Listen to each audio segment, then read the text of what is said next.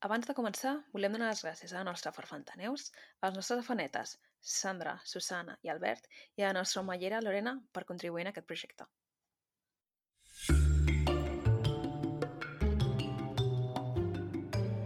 Benvinguts a Malandre Criminal, el podcast on comentem documentals de crims de la manera més cutre possible, perquè no sabem fer-ho millor. Jo sóc la Carla. Jo sóc la Marta. Jo sóc la Clara. Bueno, ens veiem al setembre. Vols començar així? eh, podríem. Bueno, ja està gravat, o sigui que sí. Estupendo. Que dic que, que demà vaig a l'IKEA. Que no s'ha escoltat. La Clara ens estava explicant... Bueno, Sí. us estava explicant que demà som a l'Ikea i jo no estava gravant. Clar, és que però te teniu alguna cosa a explicar. Dic, bueno, demà vaig a l'IKEA, si és allò, alguna així interessant. I mira, i vaig a l'IKEA i vaig a veure... Ah, bueno, això es gravarà com més tard, no? Bueno, és igual. Vaig a veure el Barça femení. Demà. Ah, clar, sí, farà temps d'això ja. Bueno, doncs... Eh, la Clara, en algun punt, va anar a veure el Barça femení i us ho explica ara. Bueno, el que fa cada cap de setmana. Vull dir. Sí, lo, bàsicament el que faig cada cap de setmana, que juguen a casa, no ens motivem, però mira, demà juguen entre setmana i tenia dues entrades i Mm, aquí raro. L'amiga del podcast m'ha abandonat, així que vaig, Vas sola. vaig a L'amiga del podcast està treballant. la menta. Treballa Llavors, més hores que un rellotge. amiga. vaig amb la meva compinche número 1 en els partits del Barça femení quan la Carla no ve amb mi, que és la meva iaia. Ah, O sigui, llavors és la número 2. Bueno, és que a mi ella té com un lloc especial, és VIP. La meva àvia és VIP, és sucre, no compta. O sigui, a mi no m'has convidat mai. Per què no vols Pues venir, perquè, mare? aviam, des de quan t'agrada tu el futbol? No, no, és que si a tu t'agrada el futbol, mm, com deia un, jo me la tallo i em faig monja, perquè serà que tu no odies el futbol ni res. Jo no odio el futbol. Ui, que no. Me la sua tremendament. Vale, doncs ja està. Però això. jo aniria a un partit en plan... És, és diferent que veure a la casa, no? Pues Assumir mi- això. Pues és molt xulo de veure, sí. El, el, del, el del tios no val la pena, Marta, però el de noies està molt bé. Massa Pues mira. no? Sí, Mm. ja és diferent.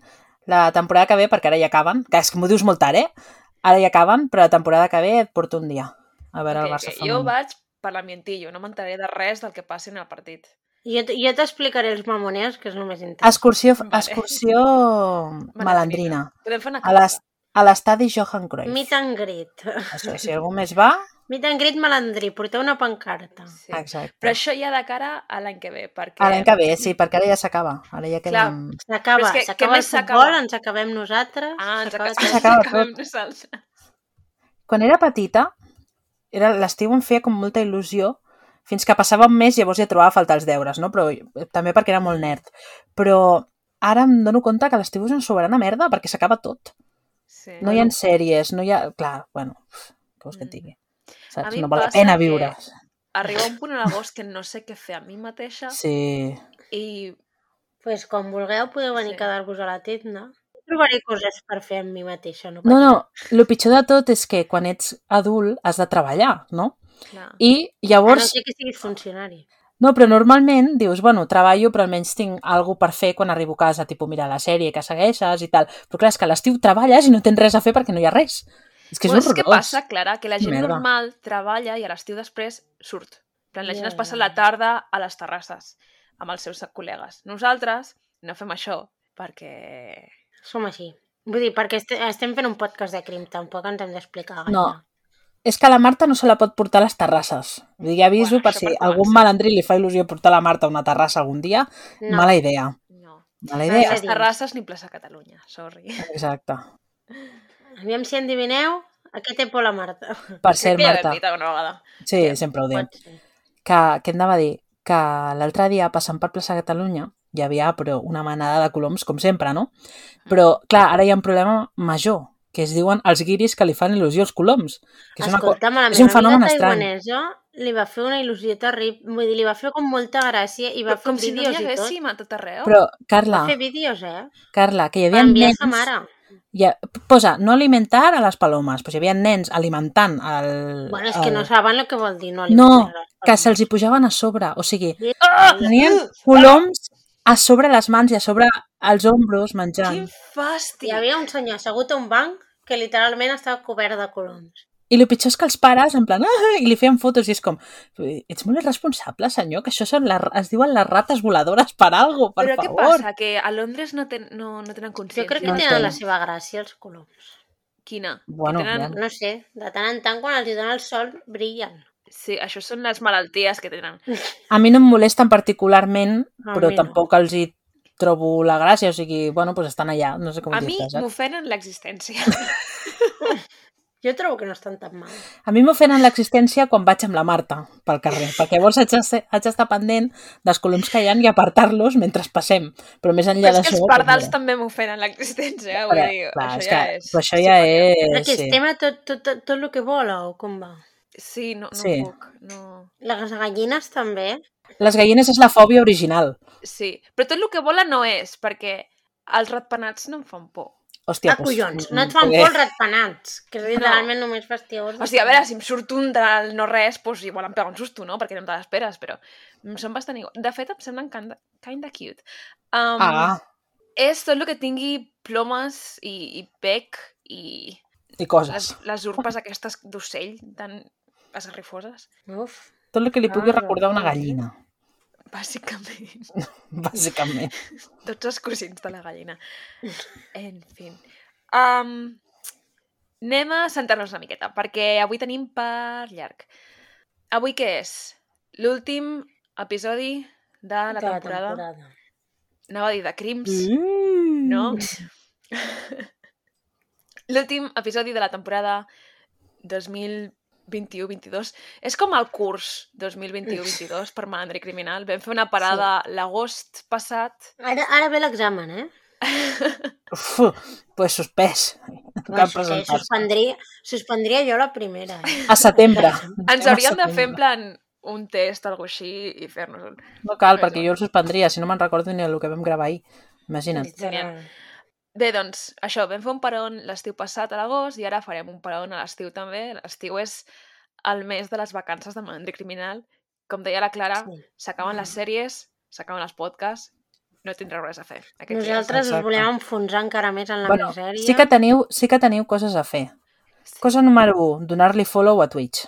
Sí. Cosa número 2, tornar a escoltar els episodis que així Clar. sumen els viewers. Tiren I això- enrere. Exacte, tirar enrere i tornar a començar. Fer- S'ha de repassar, s'ha d'anar repassant de tant en tant. Clar, recordeu-los per l'examen. Clar, per examen. Que serà sorpresa. A setembre. Quan serà? Ah, no sé saber. Setembre. Heu d'estar sempre pre- preparats. No, ara en sèrio, saps, saps que és un bon moment a l'agost i així? Perquè per mi el cap d'any és al setembre. O sigui, comença l'any al setembre, no comença al gener. Sí. I sempre s'han de fer com propòsits, no? Pues estaria molt guai en plan, mira, i nosaltres ens ho podríem fer, fer com un briefing i buscar nous documentals, saps? Coses d'aquestes.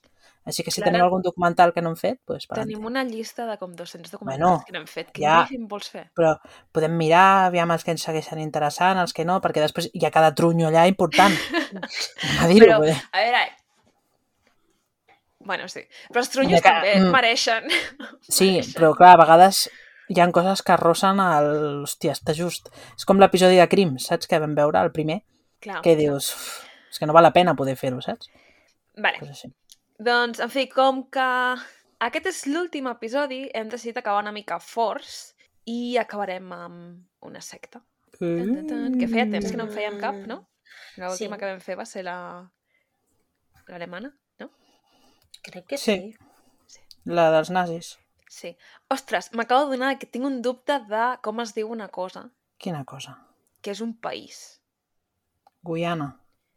Vale, gràcies. Anem a seguir. Era o no? Sí. és que com que el documental diu en Guayana, Guyana, he no? dit, uau, com ho dic? Sí. Jo- Vale. No es diu... Joia. Sí, home, Guyana, de les classes de geografia. S'escriu Guyana. Sí, sí. Ah, pues ja està. Vale. Uh, voleu que comencem ja... Anem al tema? Déu-n'hi-do, i tant. L'enciclopèdia.cat diu Guaiana. Ah, doncs si l'enciclopèdia.cat de Guayana no li discutirem. Vull dir, aviam. Bueno, és que a mi que em sona surti. Guaiana. A mi Guyana, però No Sí, que una sí, de, coses Guai, de la. Guaiana que limita amb Venezuela, no sé què és quant. Sí, Ah, sí, sí, pues sí. mira, pues, pues mira, Vale. Guayana. Doncs Guayana, direm. En fi, uh, més, fer la Perquè pregunteta. és guai. Sí, Marta. Marta. Va! Què és el Malandrí d'avui? Algun dia Doncs. direm a l'hora. Una cosa... Espera, espera. Anem a comptar. Eh, Clara, diguem Marta. A la, I a la de 3 diem qui és el malandrí d'avui. Però un moment, és un, dos, tres i diem o... O si- o sigui, un, dos, tres ja o un, dos, tres? Un, dos, tres i diem. Vale, Vale? Vale. Però primer hem de comptar un, dos, tres per dir Marta. vinga. Però no Vale. compteu en veu alta. Ja. Marta. Joder. No, però compta, és que si no m'entero. Ah, no, no. Bueno, vale. Un, dos, tres. Marta. Marta. Qui és el... Un. No, no fem un, dos, tres perquè és el malandrí d'avui. Això ho fas al teu cap. Bueno, doncs m'acaba de funcionar a aquestes hores. Bueno, Un, vale. dos, Tres. Qui és Marta. el malandrí d'avui? Carla! Però no tornem a començar. És Va, ara un- comencem des del principi, va. Un, dos, tres. Marta. Marta. Un, dos, Qui és tres. el... No, Bueno, ja prou, ja prou, ja prou. El malandrí d'avui és Jim Jones. Vale? És, és que portem aquí 3 minuts. El malandrí d'avui és Jim Jones, que és sincerament una de les persones més deplorables que ha existit mai, en la meva Una opinió. cosa, és que no hi ha ningú que em faci tanta... Vull dir, literalment, pena, És que- però de, de, de dir quina Sí. desgràcia. De Eh, té una capacitat sí. d'atracció al nivell de Jesús, eh? Buf. No ho Pues pensat. a, a mi no hauria funcionat només per l'imbècil que sembla. Les pintes d'imbècil que me lleva. Una mica Elvis Presley en sus Sí, peores sí. momentos. Literal, eh? Sí. Però en plan. Elvis Presley de Macrao. Anava a dir... Elvis Presley quan estava en les drogues, però clar, tampoc em serveix l'analogia perquè... Perquè... En fi. Qui és Jim Jones? Vale? Jim Jones és el líder de la secta The People's Temple, a la qual em referiré com el temple, vale? perquè no hi ha una Mm. traducció, almenys que jo sàpiga, una traducció Gràcies directa. a Déu que no hi ha una Sí, traducció. no, no va arribar fins aquí. Per tant, em, em referiré a la secta com el temple. Vale? I el documental va sobre Jonestown, vale? Jones, de Jim Jones, Town, de Mm. poble. Per tant, vull Mhm. dir, igual intercanvi una mica la idea de la secta com a temple, uh, grup, comunitat o Jonestown, vale? Gens narcisista el tema, eh? gens. I tot i que parlem de la secta, el documental del que parlem avui i la història que explicarem avui no és tant la formació de la secta, què passava dins la secta així a diari durant els 20-30 anys que van a la secta, sinó es concentra en els cinc últims dies abans d'aquesta secta. Sí, el més interessant, també. Sí, però es concentra en els últims cinc dies abans de que la secta Desaparegui. desaparegués, per a falta de millor paraula per no fer tot l'espoiler. Però sí que us donaré una miqueta de, en plan, un mini resum, que és el mateix que fan al documental, un mini resum al principi de com es va formar la secta, per què es va formar la secta i una mica quin era el funcionament, ¿vale? Uh -huh. Vale. Aviso, serà un episodi dens, amb molts triggers, Sí. i, i dur, i ja anirem avisant, potser, si, si hi caic, aniré avisant dels triggers, Mm. uh, dels, bueno, de lo que sigui que us pugui fer molta cosa. En entendré si, sobretot les últimes parts, si algú diu fins aquí m'ha arribat prou, uh, cap al final de tot és, serà comprensible. En fi, cap a, bueno, dic dècades, però igual són 10 anys, eh, el que va durar aquesta secta. Mm, Sí, és com bastant curta, eh? Sí. Del sí. 72 al 78, pot ser. Del 72? No ho sé. Pot ser, pot ser. La qüestió és que, si pensem en Estats Units a finals dels anys 60, és un moment on hi ha molta violència als carrers, a diari. A més a més, és com de les primeres vegades que la gent ho pot veure per la tele a casa en directe. Hi ha moltes manifestacions, hi ha moltes vagues de treballadors. Tenim la guerra de Vietnam, els moviments dels drets humans de uh, Martin Luther King, un, la tira d'assassinats polítics, no? com el del Martin Luther King, el del uh, John F. Kennedy, no? el president, uns anys Mhm. enrere. Vull dir, és un moment, són uns anys una mica turbulents per la societat estadounidenca, no? Mm. Llavors, clar, tenir tot això que està passant és bastant normal que hi ha molta gent que busca alternatives espirituals, no? També és quan comença a sorgir el moviment hippie i tota la història, no? I pues, és com, com igual sabeu, anys 60, anys 70 és quan es formen, en plan, totes les sectes, en plan, surten Sí. tres sectes de sota una pedra. És digne d'estudi. Sí, segur que n'hi ha. Segur. I Jim Jones és un senyor que comença a fer discursos que són un mix d'entre idees socialistes, mm, marxistes, a vegades russant el comunisme i el cristianisme. Lo qual, S'entén poc, sí. Un mix interessant donde los haya. Llavors, què passa? Una mica com qualsevol secta, què ofereix el temple? Ofereix, eh, bueno, el que sigui que necessiti l'individu, ¿vale? que tu vols formar part d'una revolució social, et direm que som revolució social, que salvarà la humanitat. Que tu vols fer més per ajudar a no sé qui, et direm que, que tindrem totes les respostes per ajudar la humanitat. Que tu tens Bueno, problemes personals... Sí, vull dir, totes les sectes fan el mateix, que a la fi, no? En plan, t'ajudarem a resoldre tots els problemes mm, personals, seràs millor persona, et comunicaràs millor, bla, bla, bla. Llibre 1 de Dianètics. Bàsicament. Però és que totes les sectes al final acaben fent el mateix. Llibre 1 de sectes. Acaben, sí, Resament. acaben prometent tot el mateix. Sí. A més a més, el Jim Jones al·lega tenir poders curatius. Que això igual us sembla molt d'espectacle el d'un un pastor, un cura, un curandero, bàsicament, Mm. que estan en una carpa i estan muntant en plan i ara, de cop, una persona cega, no? Ara veuràs! I li donen un cop al cap i la persona de cop, ah, veig, veu la luz. No, és com Literal. molt... És, és així, tal qual. Això és el que feia exactament, o sigui, veuen imatges d'una dona que diu, ah, la setmana passada em vaig trencar la cama. I li fa, corre!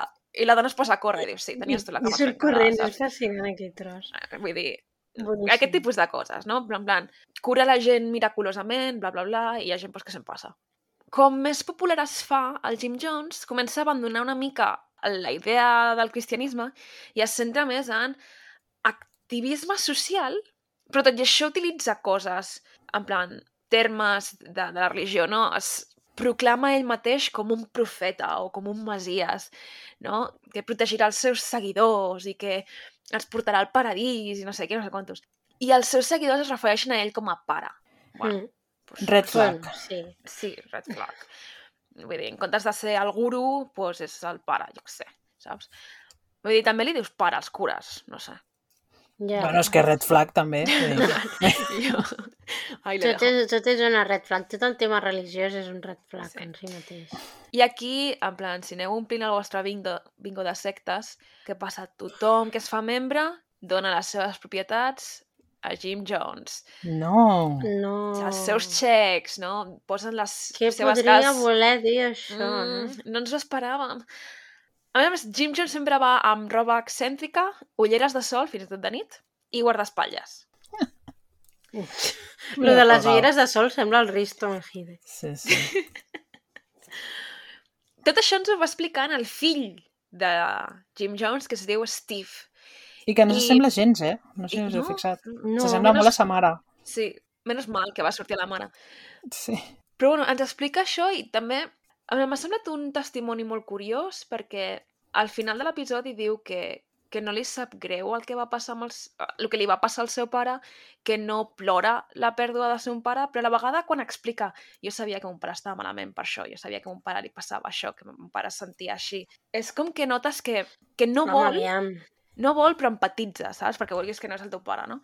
És Però... que és molt difícil mm, allunyar-se d'aquest del vincle que tens amb, amb els teus pares, que no impossible, eh? però per molt dolents que siguin és, bast... és complicat Mm. fer Sí, aquesta és com que- distància. no vol tenir res a veure amb son pare, però no pot evitar-ho. Saps? Clar, bueno, perquè Sí. racionalment entén que és una persona de merda, però, Clar. bueno, suposo que al final, A mi no- no m'ha donat aquesta impressió, la veritat. No? Ai, sí. no sé, és... No, no sé, és, compli... és complicat, eh, la figura del fill, perquè Mm. És, és com supercomplexa. En fi, en algun punt, alguns exmembres de la secta, gent que ha entrat i ha sortit, denuncien a Jones, o no sé si denuncien legalment o a la premsa, però diuen Jim Jones és abusiu, aquest grup, aquesta comunitat, el temple és abusiu, s'utilitzen drogues, uh, s'utilitzen tècniques de control mental per subjugar els seus seguidors, hi ha abusos sexuals, hi ha pues, el mateix que totes les sectes, saps?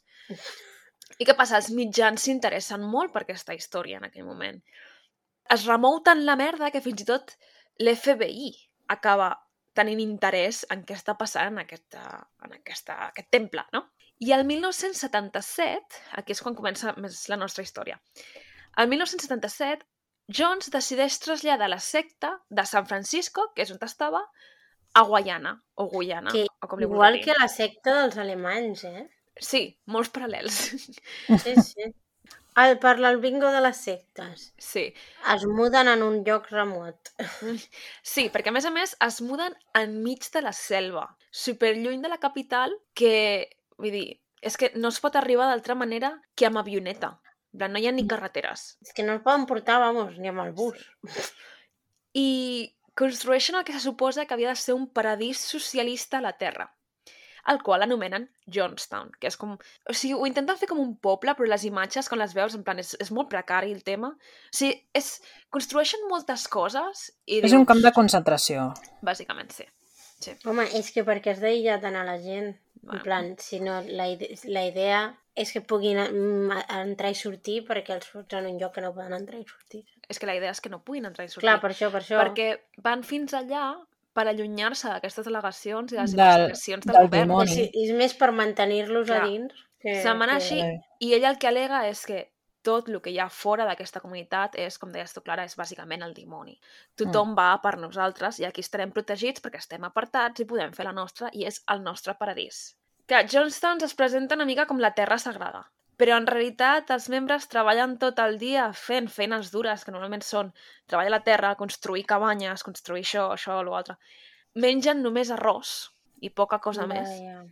Estan en Bueno, és que no sé quantes coses poden aconseguir allà, saps? Bueno, sí que comencen a fer conreus per ser... Sí, però, clar, fins, però clar. Que no, fins que no ho reculls, pas, pa- passa temps. Doncs portarien el que fos i allà estaven. Bueno, és igual. Ja, ja. Estan incomunicats, no hi ha telèfons, no hi ha televisió, el qual també és molt típic de les sectes de no volem que et comuniquis amb el món exterior, no volem que rebis notícies de fora. I, i cada cop se'ls pressiona més amb coses més terribles, però la majoria de membres creuen tant en la causa i estan tan ficats en el tema que cedeixen, no? És, doncs, ara només menjarem arròs tres cops al dia. Bueno, vale. Ara només eh, menjareu arròs dos cops al dia i treballareu tres hores més. Bueno, vale. I, Mm. I els membres són conscients de la tortura, de l'abús, de les drogues, de càstigs a nens petits que, en plan, són nens petits, saps? Però Vull dir- ells deuen creure que ho estan fent pel bé comú. Exacte, No? ells creuen que és pel bé comú. Però, clar, també, per molt que tu siguis conscient de tot això està passant, tot això no m'agrada, també la por de la realitat fora d'aquest paradís a la Terra és molt pitjor. Com a mínim, és el que ells creuen perquè és el que els hi diu el Jim Jones, que se suposa que ho sap tot, no? Hmm. És el seu profeta, és el seu masies. Per tant, per què no li haurien de fer cas? I si ell diu, si us penseu que aquí esteu temporalment patint una mica mentre muntem això, imagineu-vos fora. És en plan, està todo en llames. O sigui, encara és més horrorós que el que estàs vivint a dins. Exacte. A més a més, a- al temple hi ha moltíssima població negra. Jim Jones, tot i ser un home blanc, d'alguna manera va atraure molts seguidors negres i els hi diu, és que si torneu als Estats Units s'estan construint camps de concentració per a gent negra, hi ha grups racistes que patrullen els carrers i les fronteres, s'està convertint en un estat feixista, no sé què, no sé quantos, hi haurà un holocaust similar al que va haver-hi a Alemanya, no? Aquest tipus de coses. Que són coses que no són difícils de creure. No. No. En plan, perquè acabem de venir del moment d'alliberació i dels drets civils, vull dir que, que no és una cosa que potser ara ho veiem més lluny, no? Però en aquell moment feia pocs anys, per no dir-te dos o tres, que, jo que sé, que un negre es podia seure a un bus. Sa- No sé, saps? Sí. O podien anar al col·le, vull dir que... Mm. Vull dir, els col·les encara eren segregats... Eh... Sí, que té tot el sentit del món que tu et busquis una comunitat alternativa Mm. on et venguin aquesta idea de fraternitat i de... Sí. Llámalo X, perquè per mi això no, òbviament no és socialisme, però bueno, en plan, aquesta idea no, de, de comuna feliç sense aquestes normes socials que són tan Sí. dolentes. A més a més, també parlen molt d'eliminar... Um, en plan, no hi ha... No distingeixen entre races, no distingeixen entre gèneres, no distingeixen en estatus, no? excepte pel Jim Sí. Jones, no distingeixen en estatus. I suposo que també, doncs, clar, t'ho pinten així i és una mica en plan, sí, Sí. és un paradís, tothom es porta bé amb tothom, o sigui, entre els membres no hi ha molts problemes perquè tothom està Sí. a la mateixa alçada, no? A més, no sé si t'hi has fixat, però, ah, bueno, clar, al final les recreacions eren, eren actors, no? Però després eh, veus que sí que s'assembla una mica, hi ha similituds amb, amb les persones reals que van ser i tot això. I no sé si t'has fixat que molts nens eren Sí. eh, de raça mixta. Sí, No? ho anava a Que, comentar. La majoria ja no- de nens, sobretot els nascuts allà, sí. sí, després ja ho diràs amb coses que passen, no? Però que, clar, també aquests pares que igual el pare era blanc i la mare negra o al revés, mm, també era normal, no? Que busquessin el lloc més mm, segur Clar. pels seus fills. Sí. Sí, de fet, És un que dels és nostres lògic. protagonistes d'avui Sí. és una persona blanca, però diu, el meu El fill meu és, fill ne és negre, bueno, en plan, Sí. clar, això vol dir que la mare era negra, no? I pares a pensar, no?, que amb això que estava passant... He dit, perdona, que... he dit, he dit raça mixta i no és correcte, és interracial, és que no em sortia la, la paraula. Ah, bueno, és igual, no passa res. Però bueno, sí, que, que sí, jo també m'he donat i, i després quan surten les imatges també és... Això és... D'alguna manera, bueno, per tot això que estem dient, atrau a molta gent de la comunitat negra i després també atrau a molta gent que no és necessàriament negra però que no té aquests ideals racistes de- d'altra gent, no? I no sé, o sigui, ho pintes així i sí que té pues, els, la seva part... No, si és que totes les sectes, idealment, o sigui, pel que fa a les idees són molt maques, però després a la, a la pràctica és un problema. En fi, doncs això és una mica el que és el poble de Johnstown o la colònia de Johnstown, com li vulgueu dir, ¿vale? I ens centrem en els últims 5 dies. Des del dimarts 14 de novembre de 1977 al dissabte 18 de novembre. Comencem pel dijous 14 de novembre. Perdó, he dit 77, 78, 1978. Nice. És a dir, un any després, més o menys, de que es mudessin a Johnstown. Resulta que hi ha un congressista que es diu Leo Ryan, que, bueno, és un, per això, és un senyor que està al Congrés i tal, i no sé exactament per què, no ho han explicat i no sé per què, és ell l'encarregat d'anar a Guayana, anar a Johnstown i a investigar les al·legacions d'abús del temple. No sé si és que forma part de l'FBI o, o no sé exactament perquè no és sé, ell crec, crec que era com part de la campanya que estava... Que semblava que Sí. estigués fent una mica de campanya. Sí, perquè no deixa de ser polític. I part d'això era anar a veure que tothom estigués bé i emportar-se la gent que no volgués estar allà, no? Sí, vull dir, no sé exactament, no expliquen molt per què és ell en concret que fa això, però sí, és com un representant del govern que va allà, no? Mm. Uh, l'acompanyen la seva ajudant, que es diu Jackie Spear, i l'acompanyen també 14 familiars de membres del temple, alguns d'ells, els quals són exmembres, que volen anar allà a comprovar que els seus familiars estan bé. També hi ha premsa, hi ha bastanta premsa que van amb ells, i uh, el periodista que surt en aquest episodi uh, és el Tim Reiterman. Uh, bueno, doncs és, és un periodista, em referiré a ell com el periodista perquè és que és l'únic que surt i Sí. Crec que l'únic que és, surt en vida. O sigui, que l'únic periodista que Ja, surt ja. en vida. Spoiler! Spoiler, sorry! Llavors, ja només pel fet de que aquesta gent, aquest congressista, vagi a Guayana, el Jim Jones ja ho considera com un atac directe cap al temple. Aquesta gent ha vingut a destruir-nos i sigueu conscients que aquesta gent, el seu únic objectiu és destruir-nos. O sigui- que ja, ja està creant el mood, eh? Mm. El Entre aquesta gent, qui més hi ha? Hi ha el Shervin Harris, que eh, ha explicat amb el seu testimoni, així aniré deixant perquè no és, no és essencial per la història, però és un testimoni que fa paneta. Sí.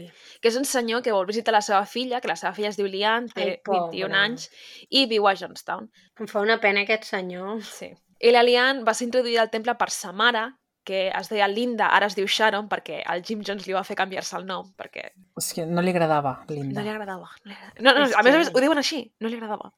Sí, era tipus, una vegada va conèixer una Linda que li va caure malament, Sí, Llavors, ja ningú a partir d'ara tota, sí, tota la gent que vivia allà... aquest poder, eh? Sí, sí. Ja, Sobre la gent. Com et dius, Marta? Pues te canvies el nombre, Pues no. guapa. I t'has cregut dient-te Marta. Ningú es diria Clara. No, però saps aquestes coses que dius... Quan diuen, ah, jo, al meu fill li posaria tal nom i dius, uf, no, jo coneixia a una que es deia així i no, no, no, no. I era Sí. pues, Sí, sí. igual. En fi, llavors, aquest senyor, l'únic que vol és parlar amb la seva filla, amb la qual abans de que entrés al temple tenia molt bona relació, tot i que estava divorciat de la seva mare, i ell sap que la situació a Johnstown és violenta i, i pues, vol això, veure que està bé, si pot intentar convèncer-la de que marxi amb ell, però sobretot veure que està bé, no? I la, la Linda barra Sharon és com una de les los altos cargos de, de la secta. Això, tingueu-ho present. Hm, Que la Sharon- Com, com la, so, la mà dreta, quasi, no? Pràcticament, sí. I després us explicaré més sobre ells. Mentrestant, és que tot això passa en un dia.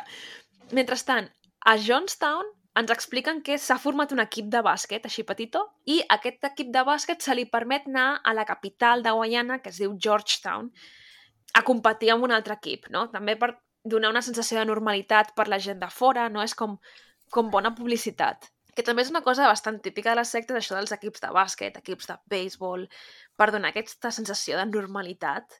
Com, Saps? com els mormons, Sí. vols dir?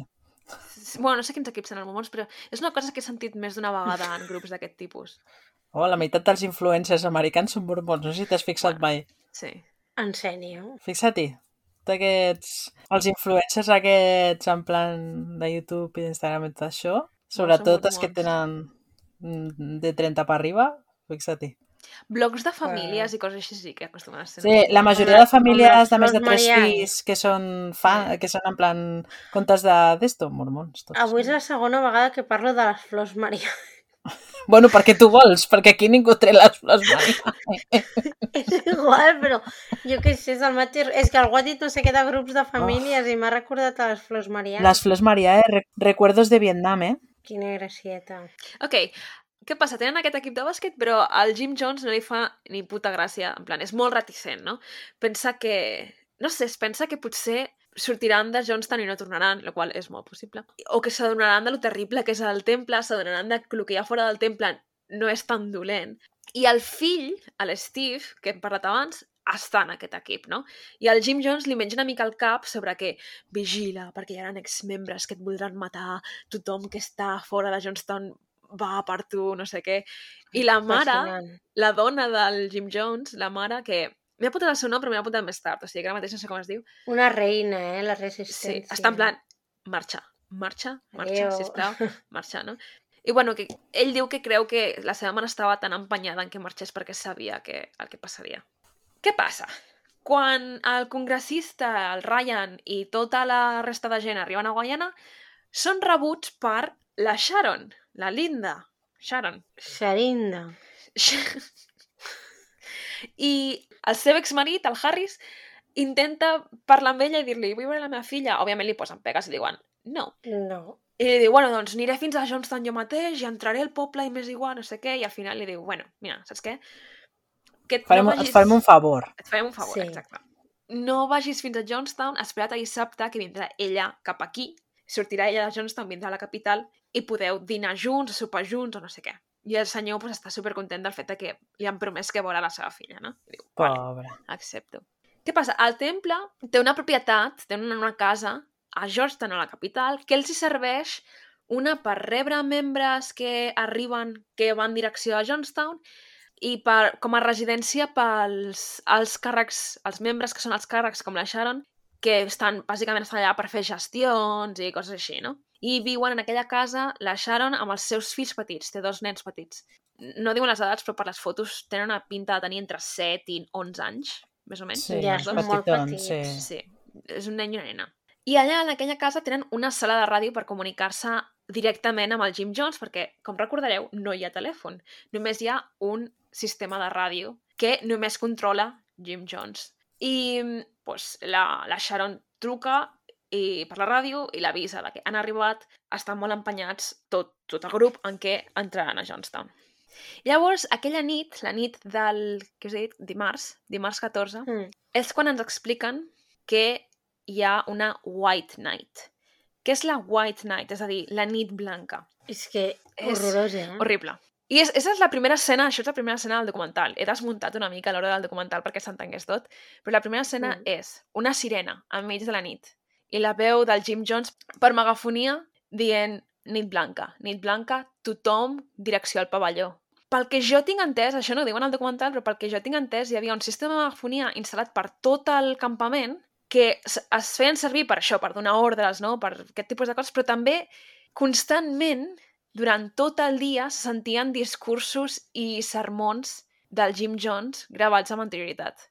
A més que això de les nits, vull dir, hauria ser cada nit que se li xusqués. Sí, és Sí, que diuen o que sigui- cada nit ho feia servir com per mantenir alerta alerta i també per tenir com a la població com cansada, saps? De, Mm. Clar, és no que a sobre està, deurien estar esgotats. Carta del bingo de les sectes. Sí, sí. de privadesa Tenia la de gent son. al límit físicament. No és simple no deixar-los dormir, també és molt típic de les sectes. Mm. I aquí el Vernon Gosney, que és un, una de les persones que va sortir d'allà, ens explica què és tot això, no? Bàsicament, aquí hi hauran tres històries. La història de l'Steve, la història del Vernon i la història del Harris. L'Steve és el fill del Jim Jones, el Harris és aquest senyor que l'ex-dona, bla, bla, bla, i aquest senyor, que es diu Vernon. Mm, després de veure el documental he pensat, ja podien haver agafat una, super, una supervivent dona per explicar-nos una mica, en plan, eh, tinc curiositat de com era ser una dona dins de Jonestown, perquè Creus que era molt diferent? no ho sé, m'agradaria saber-ho. Sé que he escoltat i he llegit coses sobre Jonestown, o sigui, crec que al, al programa de la Lia Remini van portar una persona que li van fer una entrevista i era una dona, però vull dir, no sé, no me'n recordo, m'hagués agradat. Bé, és igual.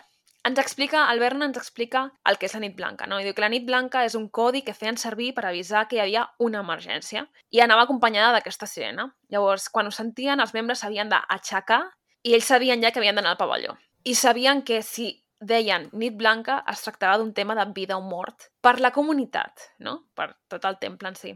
Acostumava a ser una situació en la que es passaven tota la nit desperts a espera d'una decisió i bàsicament el que fa és, és això, en plan, et trenca la son, posa tots els membres en un estat de por, de desesperació, no?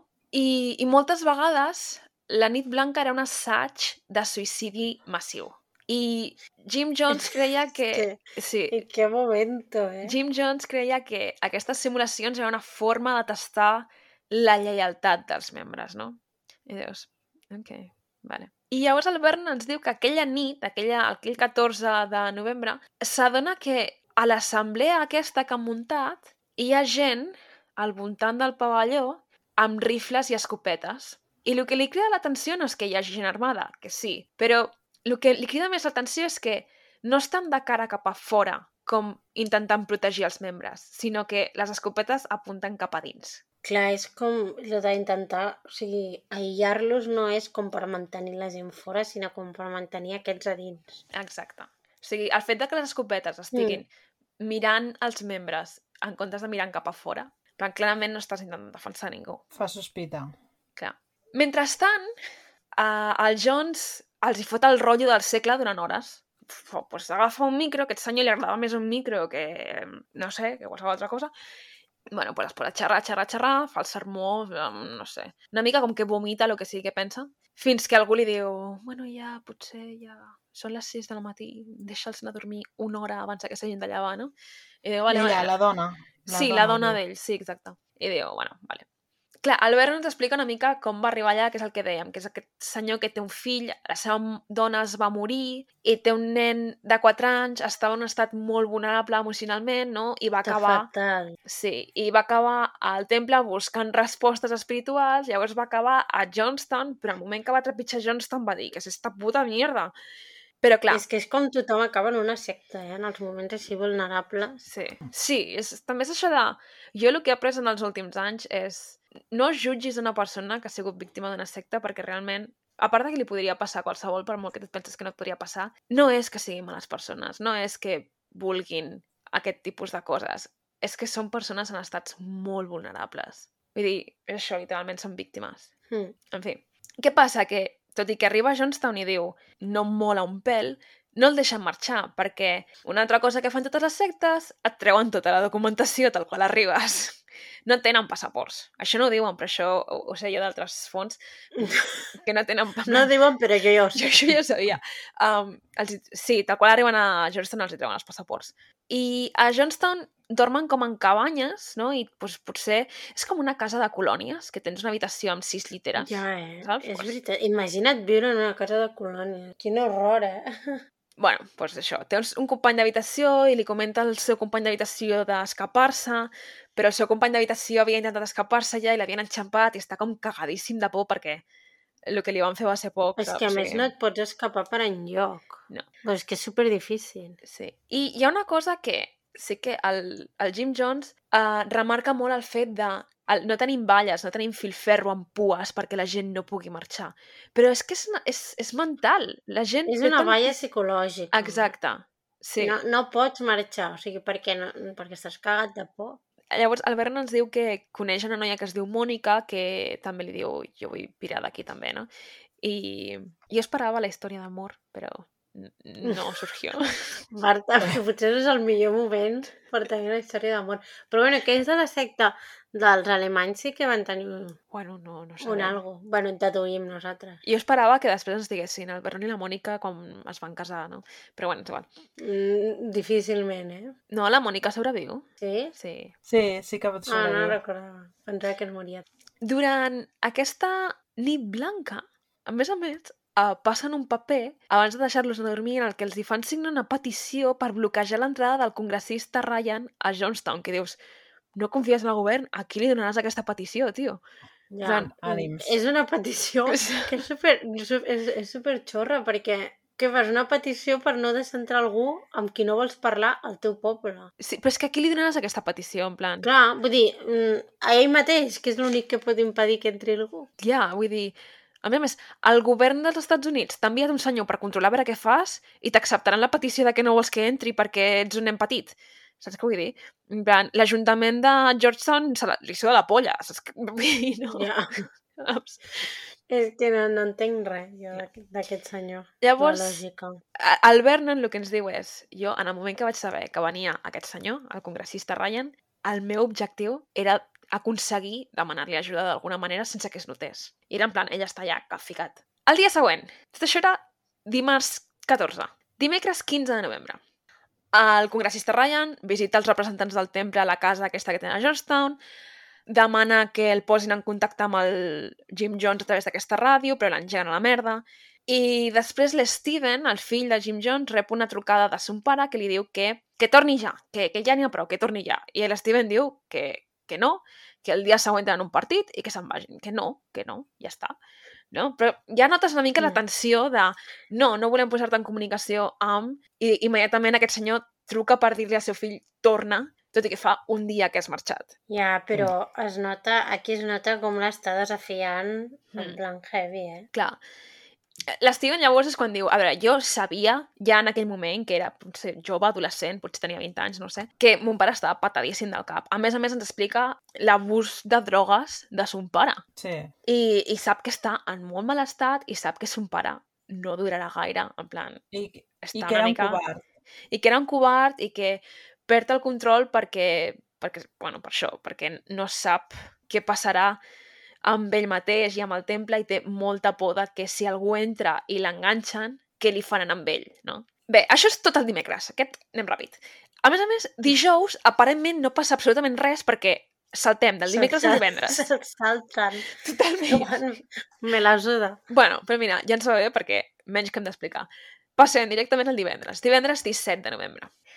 Arriba un tal Charles Gary, que és un advocat del temple que l'he buscat i no és membre del temple. És un advocat, és un senyor, al qual contracta, al qual li pagaven per ser l'advocat del temple i per lidiar amb el I congressista. aquest senyor acaba fins als collons.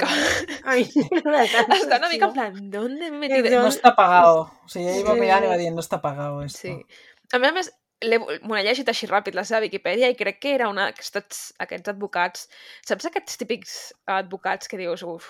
Bueno, no vull ser ofensiva cap als advocats, però d'aquests advocats que dius que no tenen ànima, saps? En plan, Bueno, defensava a gent ja, eh? terrible, saps què vull dir? Sí, sí, sí. Però bueno, ell és l'encarregat de lidiar amb el Ryan i portar-lo a Johnstown. Bueno, no.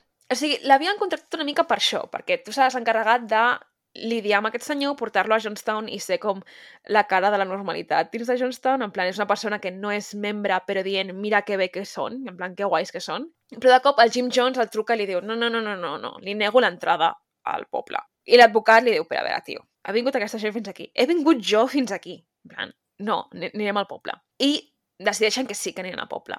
I mentre això passa, o sigui, un cop el Jim Jones té clar que sí que anirà, el Ryan, Johnston es prepara per la visita del Ryan i per la premsa, però com si visités mm, el rei d'Espanya, saps què vull dir? O sigui, netegen, pinten, ho arreglen tot, no? Ha de ser tot perfecte i ha de donar Bueno. aquesta sensació de que és un paradís. Clar, és que és, és el que intenten transmetre. Clar, exacte, no? Però clar, això vol dir que hi ha molta pressió pels membres, no?, de fer-ho tot perfecte.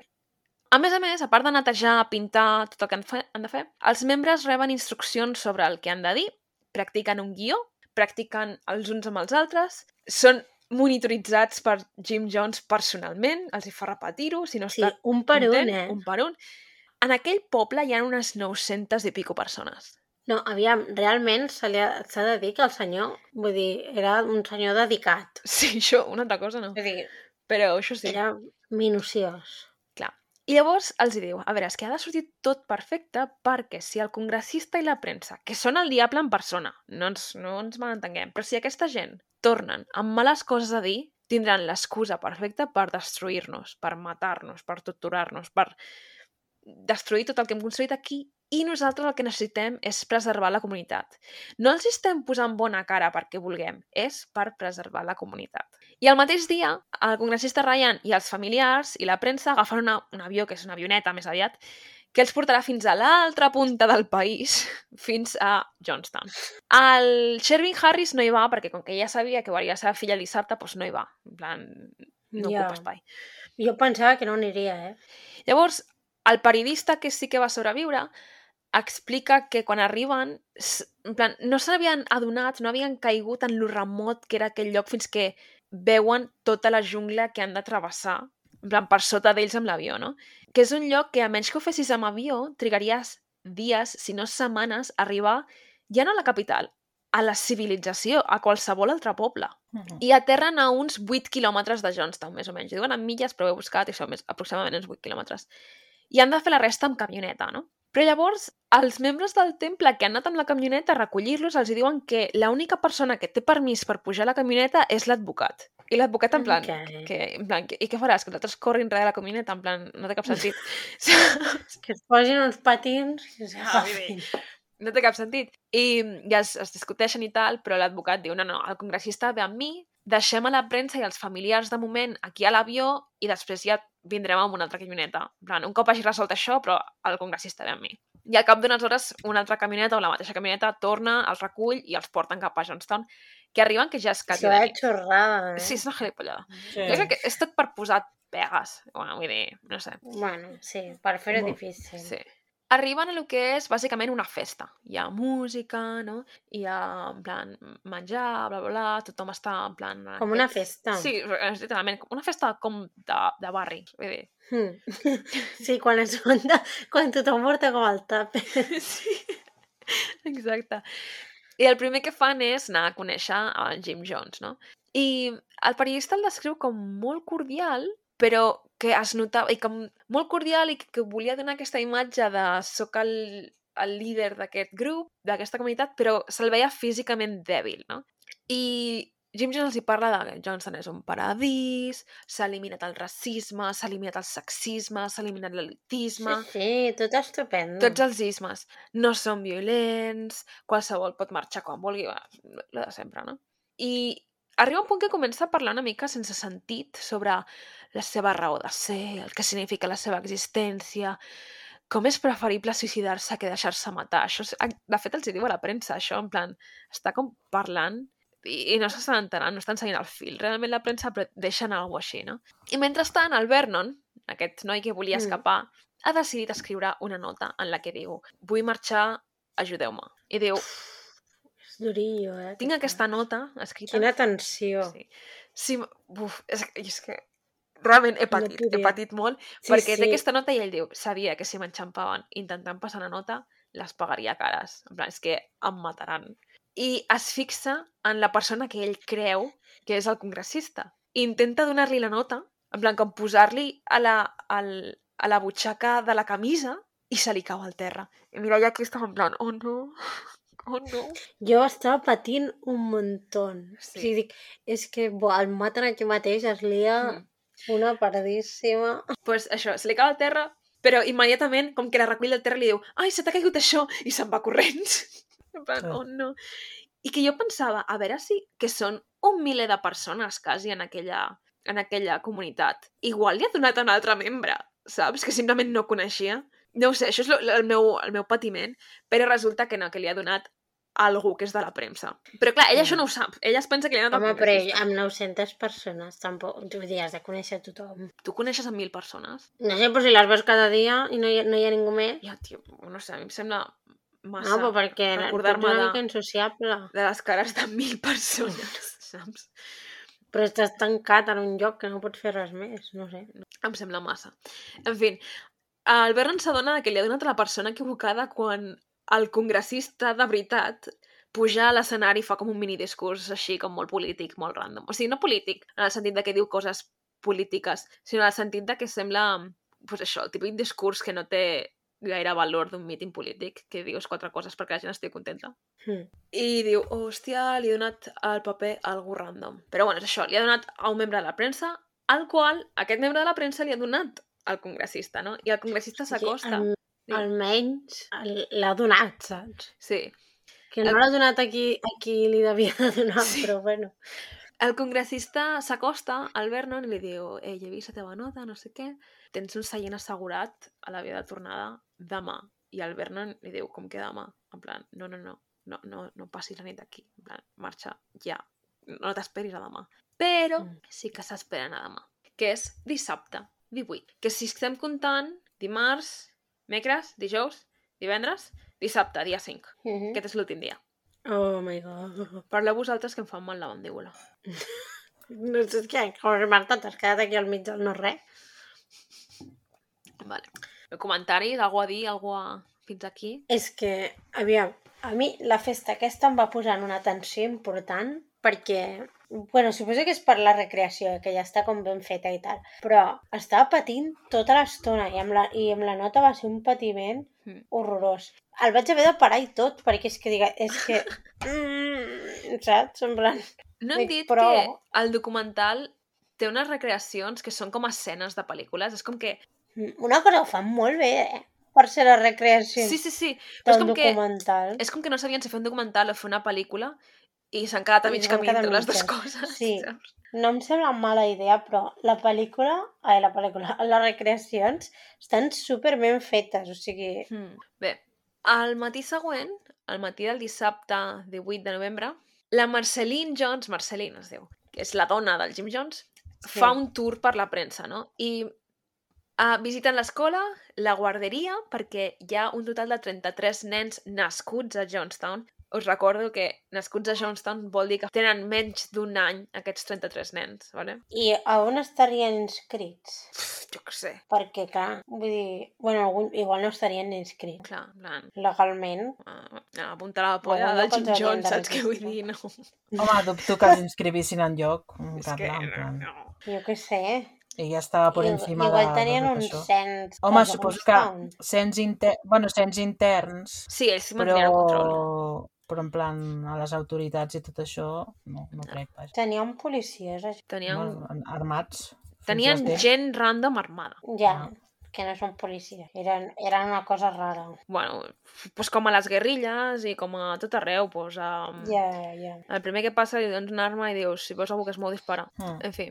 Visiten també una clínica especial per nens i diuen que la Marceline se la veu com molt orgullosa d'haver construït tot això i que a mi m'ha donat la sensació que, tal com ho expliquen, sembla que és més un projecte d'ella, al haver fet una escola, haver fet una guarderia, haver fet una clínica per nens, que no pas una cosa mm, impulsada pel Jim Jones. És una cosa com Jo d'ella. crec que sí, que va ser cosa seva i a més és que realment se la veu orgullosa del tema, o sigui, Mm. com que hi creu en sèrio Sí. Mm. en el tema de les escoles i tot això. En total, a Johnstown hi ha uns 300 nens. Que es diu aviat, Un eh? terç, eh, de la població. Sí. Ah, no especifiquen les edats. Jo assumiré que és, són menors, simplement. No? 300 menors. Sí. Et dic, els quals 33, menys d'un any. Wow. No tenien tele. No. A veure, un segon. Que havent-hi 900 persones, de les quals 600 fossin adultes, i només en un any hagin nascut 33 nens, Va, només Sí, et sembla poc? sí, per 600 persones 33 nens. 300 persones em sembla bastant. Sí, a més, pensa, jo pel que he entès, bueno, no sé, igual tu que tens més informació, però que dormien com en mòduls separats, no? Que, dir, no hi havia Sí, és parelles, possible, perquè és possible. hi ha un punt que ell... Bueno, ja parlaràs després, no? Suposo. No ho sé. En plan que el protagonista que té el fill, que és tan amic de la noia, hi ha un punt que el, ell els hi diu eh, us dono permís, eh, perquè sigueu parella, o sigui, és com si haguessin de demanar permís, saps, per mantenir Sí. relacions. Jo no crec que hi hagués un problema en què hi haguessin parelles i, i tal, perquè al cap i a la fi el que jo crec que buscaven era expandir a Johnston, realment fer-ho aquesta comunitat, i si hi ha nens nascuts dins de la secta, és com per la secta és millor. És possible que sí que hi hagués, en plan, un control de us dono permís... demanar permís. Sí, permís per ser parella. Com un senyor feudal. Sí, una Sí. mica. Durant aquest moment hi ha un incident que això no és recreació, són imatges d'arxiu, que no sabem què passa, però de cop se sent una dona cridant que li tornin el seu fill, que li tornin el seu fill, que li tornin el, fi el seu fill, mentre una persona random agafa el nen i se l'endú. I això són imatges d'arxiu perquè es, es nota el contrast entre, Ai, d'això Sí. no me'n recordo. entre les Sí, sí, imatges sí. d'arxiu, però no ens expliquen igual perquè és que ni ells mateixos sabien en plan quin havia sigut l'incident. Però que ja és com l'indicació de que tot no és tan perfecte. Algú està passant, sí. Sí. A més a més, durant aquell matí hi han famílies senceres que acudeixen a Ryan demanant-li que els tregui de Johnstown, en plan, pare, mare i nen, en plan, sisplau, treu-nos els tres, o els quatre, o el que sigui, no? O potser famílies al sentit de fills adults i uns i pares grans, o el que sigui, no? Clar, i davant de tanta gent que vol marxar, mm, la situació és incòmoda, és rara, no? I el Jim Jones fa com si li semblés bé, perquè, clar, mm, nosaltres no obliguem a ningú a estar aquí. Podeu tornar I quan els vulgueu. despedeix i tot. Eh? Sí, es despedeix, podeu tornar quan vulgueu, us rebrem amb els braços oberts, no sé què. Però sí que al Vernon li fan signar un document en el que diu que deixa el seu fill allà voluntàriament. Lo qual, La cagada més gran de tot sí, el però jo ho entenc, perquè en la situació mental en la que estava aquest senyor, Sí, plan, jo sí. crec que sabia que ja estava malament, però per tot el que ell sabia, igual estava pitjor fora. Clar, I és no- que aquí és, aquí és quan ell diu, és que clar, també el meu fill era negre i tot el que els estaven dient és que hi havia un apartheid a Estats Units, no? I diu, potser és que està millor aquí. Clar, no? També potser la idea seria anar, comprovar, no? valorar i després anar a Mm. buscar-lo. Ja, després que també si s'hagués endut el seu fill tampoc és garantia de que hagués sobreviscut el fill, perquè amb tot el que passa després és que Sí, clar. realment és una loteria que ell mateix estigui viu, saps? Sí, sí, sí. Mm. Però sí que és una decisió molt difícil, jo crec. Dir, I, i deu ten, deus tenir un pes de consciència que et dura tota la vida, Clar. com ell ho diu al final, no? Sí. De fet, bueno, pues aquell dia és quan el Vernon veu el seu fill per última vegada. Mm. L'abraça, li diu ens veurem aviat i no el torna a veure. Spoiler, no es veurà la vida. Clar, Jim Jones no deixa marxar la gent perquè vol donar aquesta imatge de grup pacífic, no? I, i tal, però pels membres sí que ho diu clarament, en plan, mireu el que ha passat, que ha vingut aquesta gent i en un dia ja ens estan destruint des de dins. Mm. Sí, o sigui, aquí es desmorarà un muntó, eh, el senyor. Vull dir, és que arriba un punt que... I hi ha moments en què crec que és la seva, no sé si és la seva dona o, o qui és, que li diuen no t'estressis tant, en plan, és una dotzena de persones. De, tot, de 900. De 900, és una dotzena de En plan, és que no és res, bàsicament. Però aquest senyor sabia de, vale, però aquesta dotzena de persones parlaran i em desmuntaran tot el xiringuito. No, i que aquí, o sigui, és com al principi del fin, és quan es comença a donar que se li invada les mans. Totalment. Bueno, és que se li ha anat aquestes- ja de les mans. En el moment en què aquesta Bueno, gent surt, Se li ha descontrolat. Sí, Sí, sí. en el moment en què aquesta gent obertament davant dels altres membres marxen i ell ha de donar el visto bueno, ja està, s'ha acabat. Sí. I tot i que els altres membres no ho acabin d'entendre, ell ho sap perfectament, s'ha acabat. Llavors, Ryan, el congressista, diu que es quedarà un dia més a Johnstown per aclarir, perquè hi ha massa gent que vol marxar, necessitarien un altre avió, en plan, potser haurien de fer dos viatges, bla, bla, bla, no? Perquè és que porta un avió super petitó i, ara el portaven ple d'anada, si han de posar-hi una dotzena o dos dotzenes de persones més, doncs no hi caben, no? Per qüestions de logística. Mm. I el que passa, que aquí el Vernon, també molt llest, a últim moment es puja una persona més a la camineta, que diu, sí, jo també vull marxar, i es puja de cop. I el Vernon ja diu, no, no, no, no, no, no, no, no, no, no, no. Aquest canvi de, de parer últimament no mola gens, no? I ja veurem per què. Però mentre la camioneta marxa, comença a arrencar. És que, a més a més, és super... De seguida, comença a arrencar la camioneta i algú ataca el congressista amb un punyal. No? quan se suposava que el congressista havia de quedar. I per sort, bueno, per sort, no li passa res al congressista. No va dir per Aquesta sort, però vegada. aquesta vegada no li passa res. Uh, li fan un tallet, però redueixen a l'atacant, no?, i tal. Però, clar, el, el congressista ja diu, oh, no, no, no, no. Ja, ja boy. té mal, és que ja fa mala espina. Sí, el ja, primer ja feia temps que feia... Sí. Me'n vaig, sí, me'n vaig amb la primera tanda i ja, ja enviarem algú a recollir l'esta de gent si fa falta, no? Mentrestant, és dissabte. El Sherwin Harris havia quedat amb la seva filla i va a la casa del temple que tenen a Georgetown, no? Va cap allà, veu a la seva filla i està encantadíssim, no? Mm, ha organitzat un sopar, està a més a més amb els fills, que no són fills seus, però els fills de la seva exdona petits. Vull dir, està encantadíssim de la vida de veure la seva filla i tenir com una mena de sopar normal. Però llavors, eh, d'això ell no se n'entera. Però sabem que la Sharon, és a dir, la, la seva exdona, És que és, és el, el sopar, literalment... O sigui, el sopar no, però... És l'últim sopar. sí, És... Sí, bueno, sí, literalment. No sé ni què anava a dir. sabem que la Sharon, l'exdona del Harris, rep instruccions de mm, venjar-se, el qual ella i l'Steven, el fill del Jim Jones, interpreten com que s'ha de matar a gent. S'han de matar a, als familiars dels membres, s'han de matar els periodistes, s'ha de matar a l'equip del congressista Ryan... Jo en aquest moment pensava, hòstia, es carreguen el pare. Que en veritat no té sentit perquè és el que parla, però com estàs ja Ja, pla- implicada amb la pel·lícula que estàs veient, perquè és que Sí. és una pel·li, doncs dic, ai, que el maten. sí, jo també, també he tingut un moment així. És que realment, si fos només una pel·li i no hi haguessin els testimonis, és el que et pensaries que anava a passar. Sí, sí, sí. Sí. Bé, i diuen que, bueno, doncs després de que passi això, que no ho han de fer ells personalment, és com que els informen de passar això. I immediatament després heu de suïcidar-vos, que és en plan, és el que heu de fer. I criden a Lian, la porten en plan, pots venir un segon, mentre es deixen el senyor sopant, i li expliquen. I la noia, que té 21 anys, és com, ah, ens hem de Vale. matar? Vale. Ah, estupendo. sí. Té les mateixes ganes de viure que jo un dilluns a les 8 del matí, eh? Però sorprèn amb una Sí. filosofia i l'Steven, que segurament tenia més o menys la mateixa d'aquella, es queda flipant perquè ella està cagadíssim de por. I ell no vol. I ella tan I tranquil·la, ella en plan, eh? ah, vale. plan, És un mut, la, la noia. plan de dissabte per la tarda, dissabte al Matar-me. vespre, matar-me. Suïcidar-nos. és com, ok. És, és perquè s'apunti a l'agenda, rotllo, fent lettering. Sí. El I dissabte. acaba de sopar tan tranquil·la, eh? sí. Més A més a més, i diu, ah, vale, puc tornar a sopar? Puc tornar? Sí, sí. En plan, saps? sí, sí. I, i l'Steven diu, no, no, no, no, no, no, i marxa, marxa de la casa. No sabem on, no sabem a què fer, marxa. Mm. Aquella nit, a Johnstown, torna a convocar-se la nit blanca. I Per què no? aquí ja anem a posar-nos serios. Jim Jones convoca tothom i comença a fer un sermó. Mentre, davant dels membres, es barreja cianur de potassi amb tranquil·litzants i una beguda fritada, a la qual se li diu... Un suquet. Sí, és com... Se li diu Kool-Aid, vale? Uh, és, és la marca americana, Sí, es diu que està Kool-Aid. escarós, per cert. Jo no ho he provat, no ho però... heu provat mai.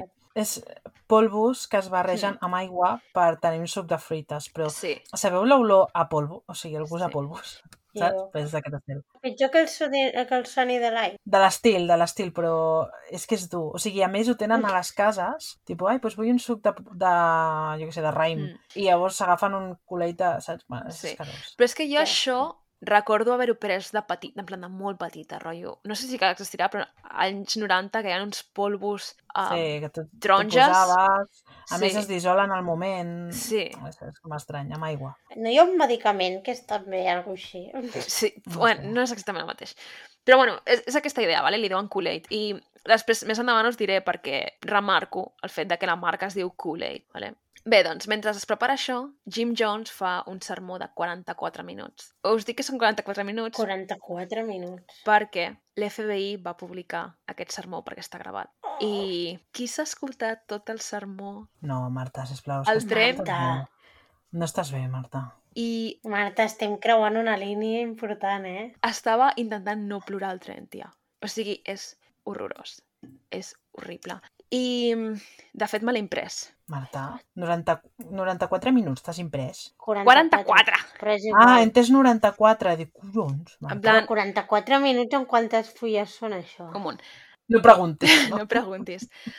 Però l'FBI va publicar les cintes, són de domini públic, per tant, és que me l'he pogut descarregar. Oh my god. I també l'FBI va publicar la transcripció, per tant també el pots llegir si vols. Que horror. Vaig a, a dir-vos, m'he marcat algunes coses que vull dir-vos d'aquest sermó, ¿vale? que estaré fent la traducció simultània, o sigui que igual dic coses rares, però la cinta es diu Death Tape, o sigui, el títol que li han posat és Death Tape, és a dir, la cinta de la mort. Apropiat. Vale? Sí. Com comença? Comença amb Us he estimat. He intentat moltíssim donar-vos una bona vida. I, tot i així, tot i que ho he intentat, un grup de persones amb les seves mentides ens ho han fet impossible. Més endavant diu Un gran profeta va dir una vegada cap home em traurà la meva vida, sinó que m'ha de treure jo mateix. Un profeta. Fuentes, la Cibele. Entre tot això, se senten la gent aplaudint, xiulant, dient sí, oh, sí, saps? En plan, amén. Vale. De tant en tant. Que no hi ha anem. Uh, més endavant diu el que passarà en uns minuts és que una persona dispararà al pilot de l'avió i uh, l'avió s'estallarà a la jungla. I quan això passi, més val que no quedi ni un nen a Johnstown, perquè vindran en, para, en paracaigudes. Qui vindrà un paracaigua? El govern. Ah. Us ho dic tal qual ho sé, perquè, neva, ui, perquè mai us he mentit. O sigui, la implicació és, sé que algú matarà al pilot, s'estallarà l'avió i es morirà el congressista. Tal qual això passi, el govern dels Estats Units vindrà aquí amb paracaigudes i ens matarà a tots i ens torturarà a tots. El qual no té cap sentit. I Estan els enmig... nens. Eh? I els nens. I els nens. Sí, sí, a més a més remarca els nens. Mataran els vostres nens, si no ho fem nosaltres primer. Sí, bàsicament és això que diu. És que... No, no sé, no sé ni què dir. Sí. Anava a dir alguna cosa, Espera, espera, que no he sembla acabat. Fascinant. Que n'he acabat.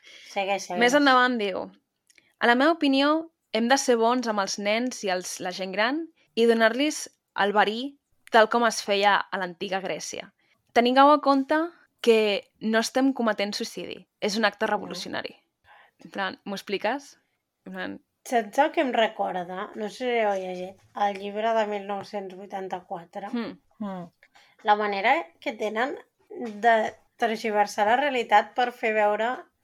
sí. bueno, per treure com l'honor d'aquesta situació, no? Que al final és que tu estàs matant a 900 persones o que estàs induint al suïcidi a 900 persones. Mm. Em recordo una mica allò de el que li diuen, el, ara no me'n recordo com es diu, però no sé què de la veritat, no sé què de la mort, Hmm. i després és com tot allò. Bueno, en fi, que m'ha recordat Sí, aquell sí, sí, no, totalment. Aquí també en aquesta... Hi ha un, un molt d'estona, que en fulls són com cinc fulls, d'una senyora que es diu Christine Miller, que desafia a Jim Jones i comença a qüestionar-lo. I diu, i per què De no fet- ens anem... Mm? Digues. Tot això surt al documental, Exacte, sí. Sí, sí, sí. oi? És la mateixa. Sí. Doncs aquesta dona està en plan, però tenim alternatives, podem fer això, podem fer l'altre. I el Jim Jones està en plan, no, no tenim alternatives. Però és, és molta estona, eh? És molt interessant.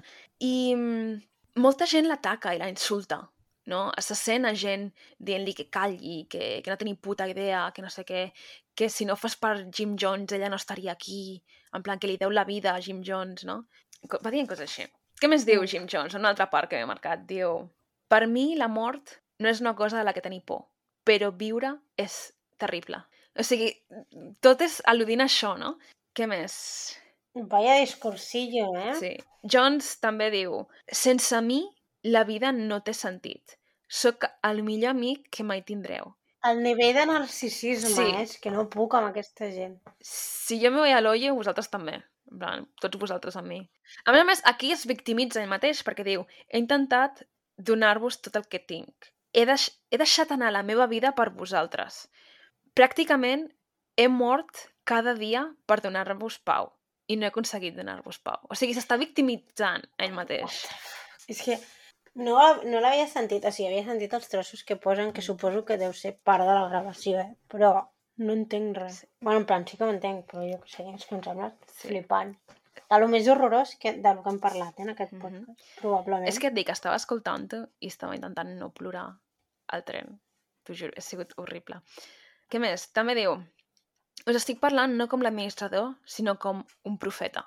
Uh... Vull dir, és que és com aquest... El profeta autodeclarat. Totalment, sí, sí. Eh, A veure, quines més parts he marcat? És que he anat Clara, marcant... tu no vols ser profeta? Jo, no, gràcies. professió? Ah, sí, diu, avui, bueno, diu, we lay down our lives, no sé com traduir això, però bàsicament avui ens suïcidem, en protesta en contra del que s'ha fet. Ens suïcidem en protesta del que s'està fent, la criminalitat de, la, de les persones i la crueltat de les persones. És en plan, no. No, no, la crueltat teva, tros d'imbècil. Sí, vale. Mm, És que no tinc ni paraules. Què més? És que jo estic igual, eh? Vale, cap aquí... Ah, de fons se sent tota l'estona com música clàssica, per fer-ho més creepy, vale? Per anar-se amb dignitat. Sí. I arriba un punt en què, tot i que el sermó segueix, comencen a donar-los a, al verí primer els nens i es comencen a sentir nens plorant de fons. és Mentre que aquest senyor diu coses de l'estil, Hauria estar plorant aquí, jo. doncs se senten aquests nens plorar de fons i cridar i tot el caos i a la vegada ve- sents gent aplaudir. És, és molt estrany. Mentre ell diu coses com no estigueu espantats de morir. Si aquella gent ve aquí, torturaran els nostres fills, torturaran els nostres, a, a, a la nostra gent, torturaran els nostre, a la nostra gent gran. O sigui, mentre sents a nens petits plorar dient que no volen veure-s'ho, mares plorant, agonitzant, perquè estan veient els seus nens morir-se davant seus. Hi ha nens que els hi han d'injectar amb una xeringa perquè És no s'ho veuen. Jo crec que és de lo pitjor que hem vist És en aquest horrorós. Comença a dir... És difícil, és molt difícil al principi, però només al principi. Veureu que viure és més difícil que morir. O sigui, mm, és que és horrible. Mora't tu! És horrible. Mora't tu, suïcida't tu! I ja està. I deixa la resta de la gent fer la seva vida. I, ah sí, també diu, us estic dient que no m'importa quants crits escolti o quants plors escolti. La mort és un milió de vegades preferible que 10 dies més de vida.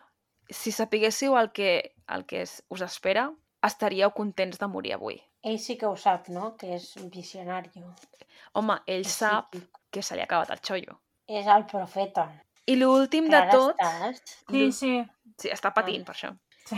L'últim, últim, últim de tot que diu abans de que s'acabi la gravació, després d'això hi ha uns... O sigui, diu això, hi ha uns segons de música i uns segons de silenci i ja està.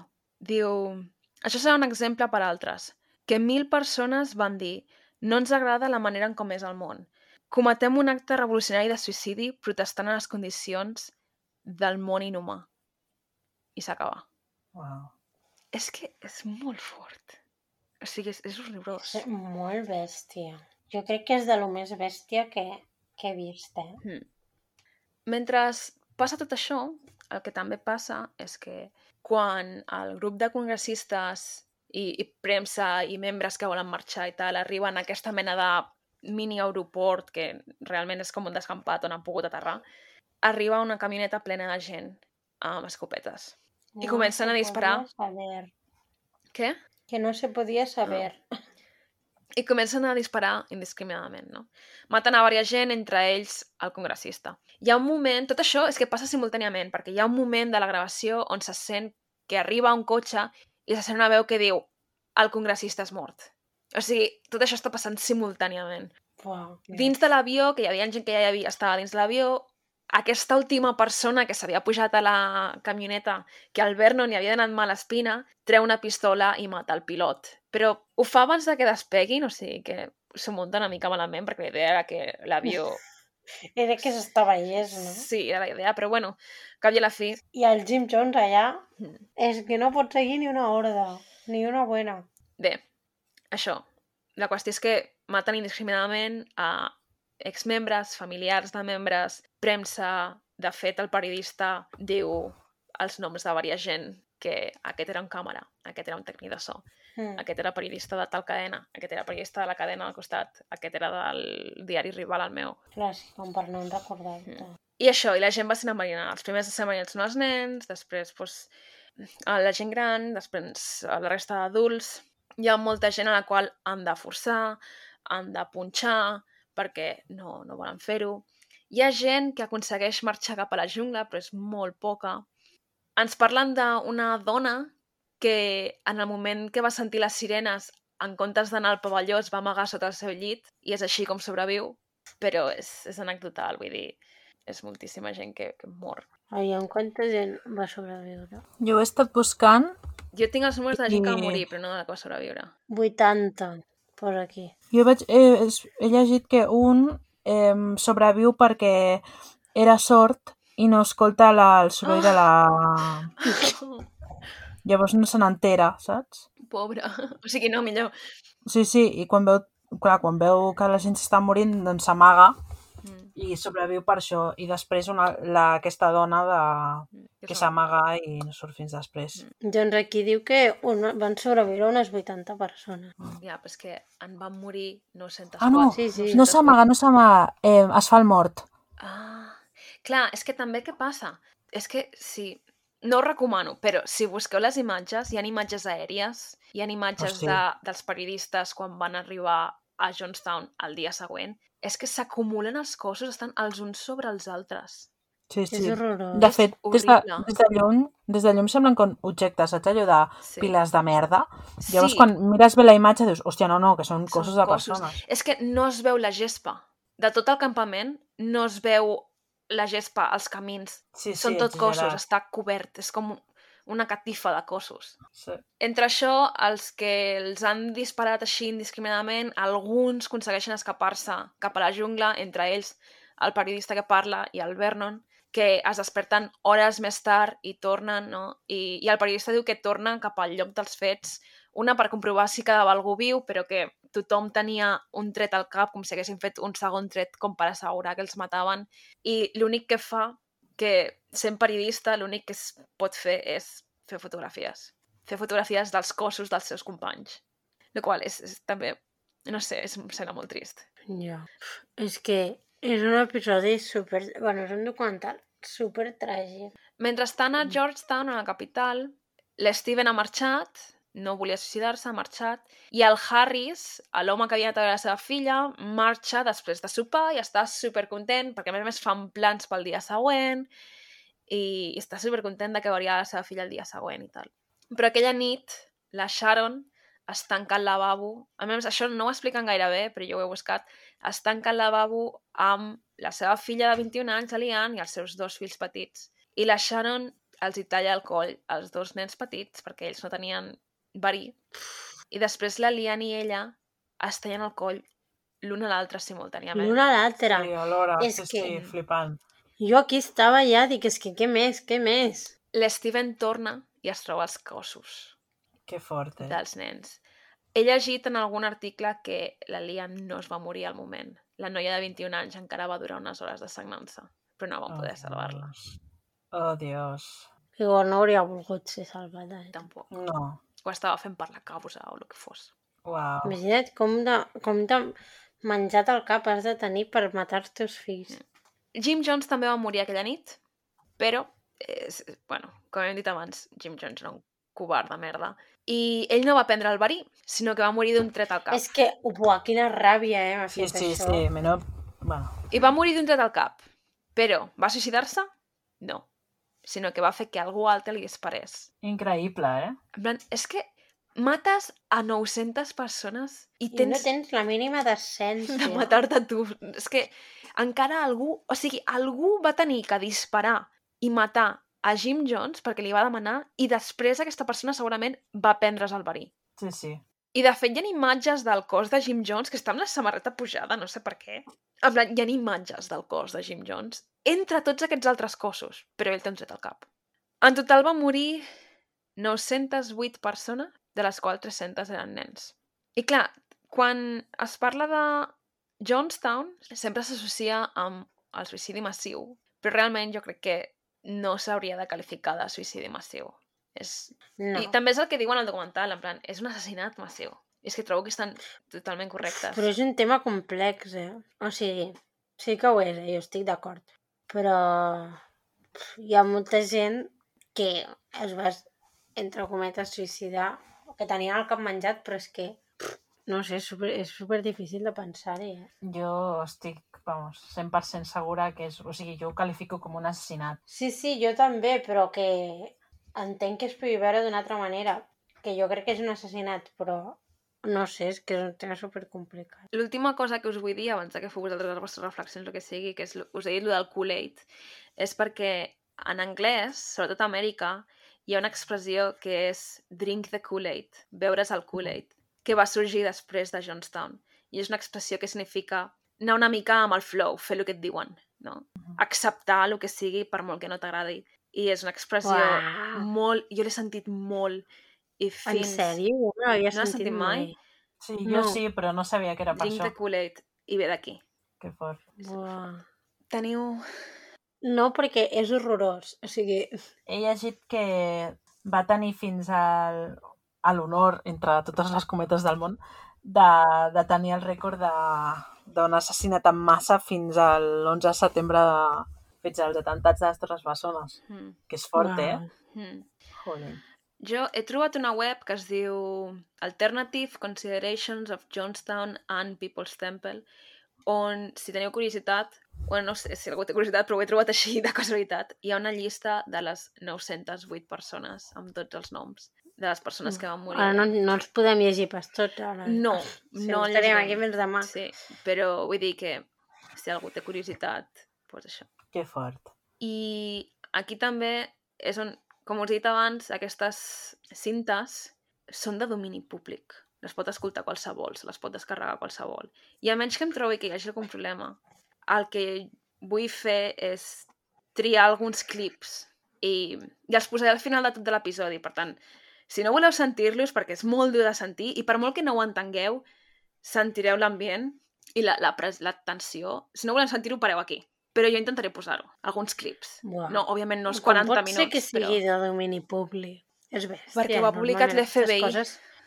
Ja, ja, però normalment aquestes coses no ho són. Ja, però ja fa molts anys. No, però fa molts anys... Crec que ho van publicar, si no m'equivoco, el 2005, i un cop la investigació és tancada, aquestes coses són públiques. Quina investigació van fer? O alguna investigació farien, jo què sé, saps? En plan, van Jo que recuperar les cintes. És que no hi ha gaire per investigar. Bueno, van recuperar les cintes, van analitzar el què, no? Però normalment quan acaben aquest tipus de casos, després les cintes són públiques. Mm. O sigui, les cintes, les proves són públiques. En plan, els documents de l'FBI es fan públics, són com han, han acabat les investigacions i, Superbèstia. i el cas tancat. Sí. Així que És que és un episodi que et deixa una mica sense paraules. hmm, Sí, la veritat que és, sí. és dur, és dur. Sí. I mira que fa molt de temps ja... Vull dir, a veure, alguns diran, no fa tant de temps, però, no sé, deu fer 50 anys, no? Sí. I, No. i realment... No sé, quan, quan ho escoltes i, i veus les 40. imatges, ho sents molt proper, ho sents com, com que... És que és veritat, o sigui, hi ha imatges d'aquesta època que es veuen molt més llunyanes que, que aquestes, que això, saps? Fins i tot les imatges de veritat d'arxiu que Sí, posen sí. d'ell es veuen com molt més properes que algunes imatges de la mateixa època. Mm. Bueno, excepte pels talls de cabell, que canten una mica. Sí, la indumentària, la indumentària del xaval és justa, és la típica que ara Uf. posaries per anar a Las Vegas a casar-te. Sí. Uf, quina gracieta. I el fill, aquesta melena que li posen. I ara està calvo. Sí. Bueno, com no? eh? Havíem d'acabar la temporada amb el comentari. No, però que, que crida molt l'atenció, no? Perquè a, a les imatges té unes grenyes en plan que té mitja melena. Bueno, però és que tindria pelat 20 del tot. anys i ara, doncs, Sí, sí. 40 no, anys igual, més tard, jo què sé. Però igual està rapat, eh? Igual. Que igual no és calvo, en plan, però està tot rapat perquè té així un estil una mica... No, el noi té Mm. pinta de ser persona que toca en una banda de rock. Sí. Ah, per cert, no ho he apuntat, però ens expliquen una mica en plan què se n'ha fet dels testimonis, no? I diuen, bueno, doncs, uh, el fill del Jim Jones... Mm, bueno, jo què sé, estan tots molt bé. Menys la dona que es va amagar, que ja està morta. Sí, clar, és que era una senyora gran. No, però vull Però, dir, va- però no va morir allà, No, no, va morir després, va morir després. que és lo important. Sí. Però bé, bueno, no sé per què ho he dit, això. Perquè sapigueu que estan Que tots sí, que sapigueu que tots els hi ha anat bastant bé la vida després d'això. A la vida, no? Anem a despedir-nos. Va, anem a despedir Quan tornem? Vale... Quan tornem? Tornarem... No ho sé, no me'n recordo. Um, bueno, tornarem a fer la temporada regular a l'1 de setembre. Yay! Vinga, O sigui, setembre, pam. la primera setmana de El setembre. Primer no? dijous de no. setembre. Vale, el primer dijous de setembre. Sí, el primer dijous de setembre ja tindreu un altre episodi. Amb un supercas. Bueno, Sí, sí, que ja tenim això ho veurem. No? Ah, Que no direm quin per mantenir una mica el... el No hype. direm quin, perquè no ho Ai. sabem encara. Que sí, que sí que ho tenim. Sí que ho tenim. podem fer juntes, Marta. Bueno, gent, ens veiem a setembre. Bon agost. Adeu! Bon estiu. Adéu. Adéu.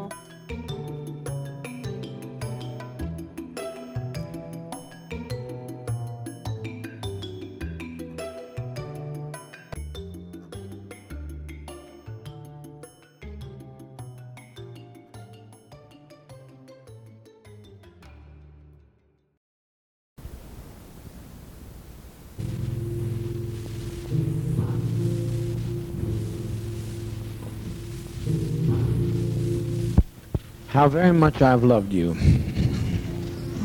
How very much I've tried my best to give you the good life. Hmm.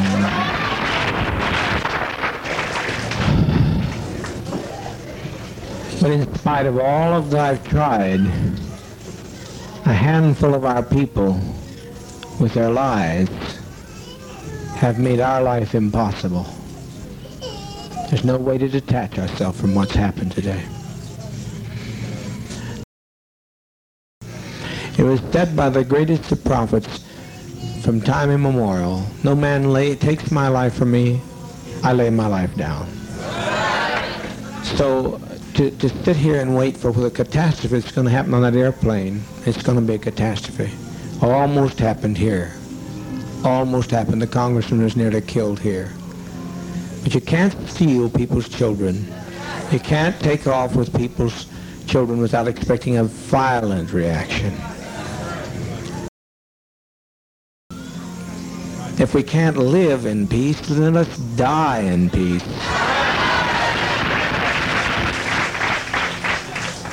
We've been so betrayed. We have been so terribly betrayed.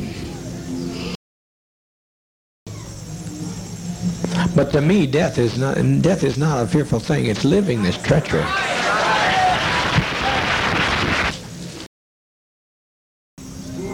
Not that I'm afraid to die, I don't By think no you are. I don't think you are. but uh, I look at our babies and I think they deserve to live. I agree. You know, They des- but also they deserve what's more. They deserve peace.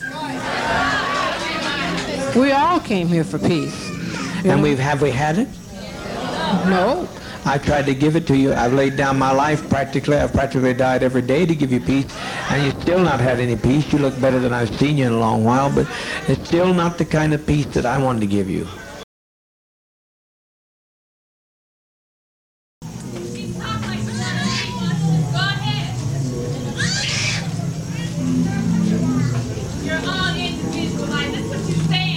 Said today. That's what 20 people said today with their lives. I think I still have a right to my own opinion. I, I'm not taking it from you. I'm not taking it from you. Christine, you're only standing here because he was here in the first place.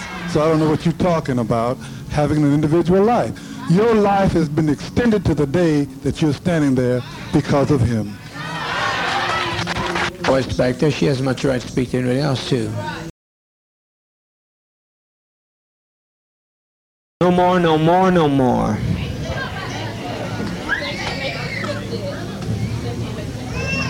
We're trying. If everybody will relax, the best thing you do to relax, then you'll have no problem. You'll have no problem with the thing if you just relax.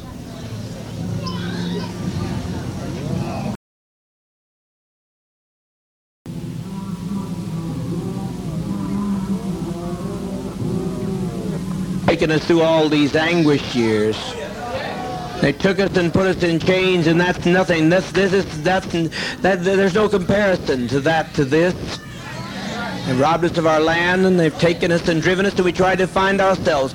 We tried to find a new beginning, but it's too late. You can't separate yourself from your brother and your sister.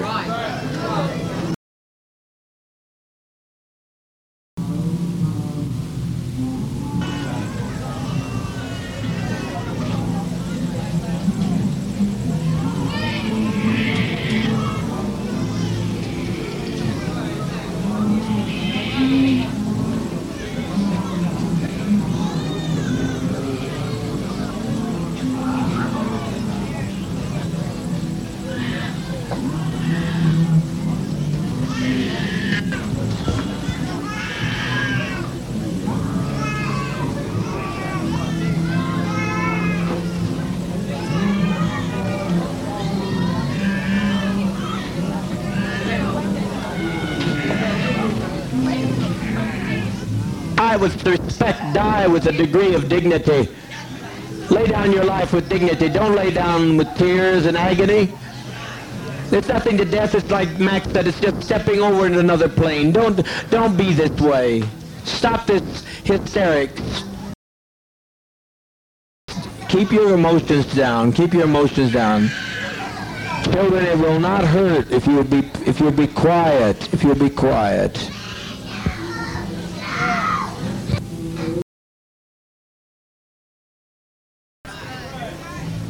All over, and it's good. No, no sorrow that it's all over. I'm glad it's over. Hurry, hurry, my children, hurry. All I say does not fall into the hands of the enemy. Hurry, my children.